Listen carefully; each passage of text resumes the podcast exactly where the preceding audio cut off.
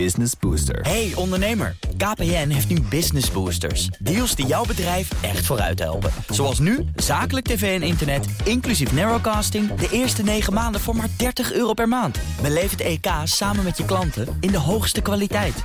Kijk op kpn.com slash businessbooster. Business Booster.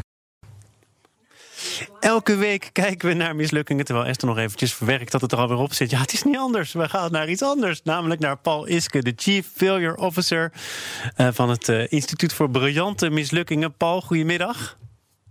Goedemiddag, Thomas. Waar gaat het uh, vandaag over met jou? Ja, dat gaat ook over internationaal zaken doen. Hè? Dat gaat over uh, Ajax, uh, die vandaag natuurlijk ook op andere manier in het nieuws is. Het is net een echt bedrijf. Maar het gaat uh, vandaag over het mislukte avontuur van Ajax in, in Zuid-Afrika. In, in precies te zijn in Kaapstad. Want ze hebben daar een voetbalschool al heel lang, geloof ik. Ajax Cape Town. Ja. Ja, ja, ze hebben daar een soort van satellietclub opgezet. Uh, en uh, dat is uh, trouwens niet hun enige buitenlandse avontuur. Maar ik moet wel zeggen, het is ongeveer 20 jaar geleden hebben ze dit opgezet. Pal trouwens naar hun beursgang. En nou, het was duidelijk wat de bedoeling was. We gaan daar een satellietstad, satellietclub opzetten. Die helemaal werkconform de methode van Ajax. En de bedoeling was dus spelers daar op te leiden. En wanneer die doorbreken, die naar Amsterdam te halen. En op die manier kun je relatief goedkoop aan goede spelers komen. Uh, en je er ook nog een, een, mooi kantje aan kunnen plakken. Hè. Je kunt op die manier ook kansen bieden aan, aan, aan uh, ja, kansarme talenten. He, dus, dus dat was uh, uh, ook een bijvang, zeg maar. Maar het, hoofd, het commerciële of het zakelijke en het sportieve hoofddoel was daar talenten opleiden en vervolgens naar Amsterdam te halen. Um, nou, dat is twintig jaar geleden ingezet. alleen, ja, daar is nu een einde aan gekomen. Men, heeft, uh, men had 51% van de aandelen en die hebben ze pas geleden voor uh, een symbolisch bedrag van 1 euro weer van de hand gedaan. Uh, en daar is ook 2,5 miljoen euro op moeten afgeboekt worden. En die club die gaat trouwens verder als Cape Town Spurs. Dus die club houdt niet op te bestaan. Maar Ajax heeft er geen uh, betrokkenheid meer bij.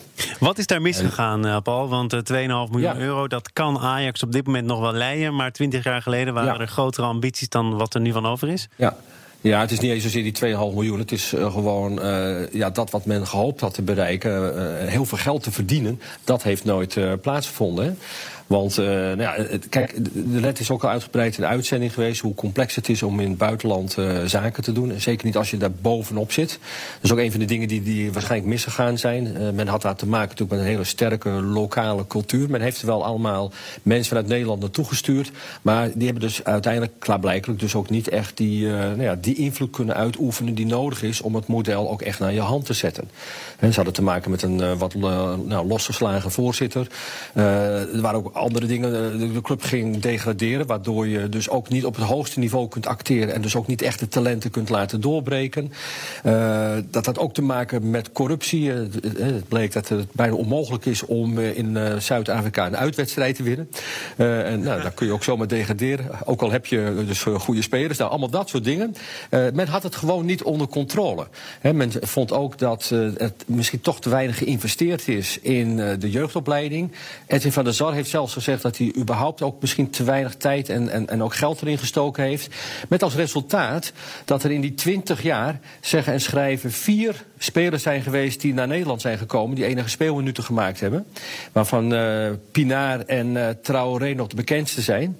En Traoré, die, ja, die, kan misschien nog wat aan verdiend worden, maar alles bij elkaar uh, heeft het gewoon geen, geen rode cent opgeleverd. En, en voor Ajax uh, Cape Town was het natuurlijk extra zuur, want die zouden bij doorverkoop profiteren van de opbrengsten. Maar ja, 20% van nul is nul.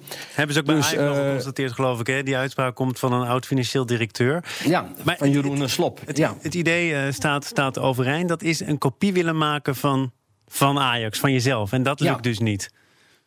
Nou ja, het is hun niet gelukt. De, ze waren ook de eerste. Daarna zijn ook nog andere uh, clubs geweest die uh, ja, misschien ook wel zelfs iets meer succes hebben gehad. Die misschien ook hebben geleerd van wat er bij Ajax wel of niet lukte. Maar uh, Ajax is in ieder geval niet gelukt. En na twintig jaar dus ook echt geconcludeerd, hier moeten we mee stoppen. Dit is zonde van de tijd, zonde van de inspanning.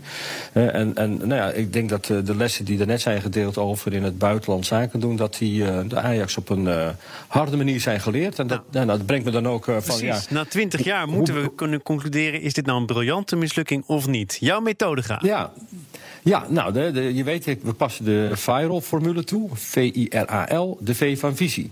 Nou, de visie was dus het voortijdig eh, identificeren, eh, vroegtijdig identificeren en binden en transfereren van talent. Nou, dat is op zich best wel een slim idee.